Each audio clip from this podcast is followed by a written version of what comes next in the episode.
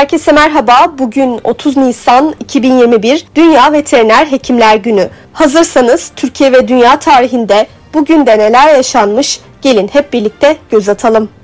Dünya tarihinde bugün yaşananlar 1006 Tarihte kayıtlara geçirilmiş en parlak süpernova olan SN 1006 Kurt takım yıldızı içerisinde gözlemlendi.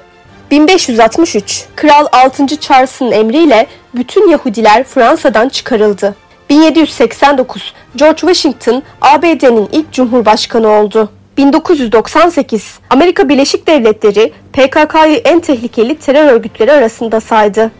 1998 NATO Konseyi Kosova bildirisi yayınladı. Şiddeti reddeden ittifak Yugoslavya Devlet Başkanı Slobodan Milosevic'e uyarılarda bulundu. Türkiye tarihinde bugün yaşananlar 1920 Paris'te toplanacak barış konferansı ile ilgili Ankara'da toplanan Büyük Millet Meclisi taraf ülkelerin dışişleri bakanlıklarına gönderdiği bir yazıyla İstanbul'dan ayrı bir hükümetin kurulduğunu bildirdi.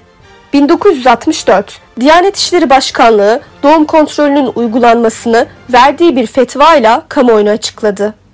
2013 Türkiye'nin en uzun tutuklu kalan mahkumu Tahir Canan tahliye edildi. Tahir Canan 32,5 yıl hapiste kalmıştı.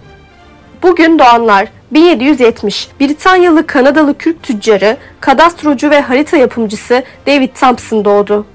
1949 Portekizli siyasetçi ve Birleşmiş Milletler'in 9. Genel Sekreteri Antonio Guterres dünyaya geldi. Bugün ölenler 1030 Gazne Devleti'nin kurucusu Gazneli Mahmut hayatını kaybetti.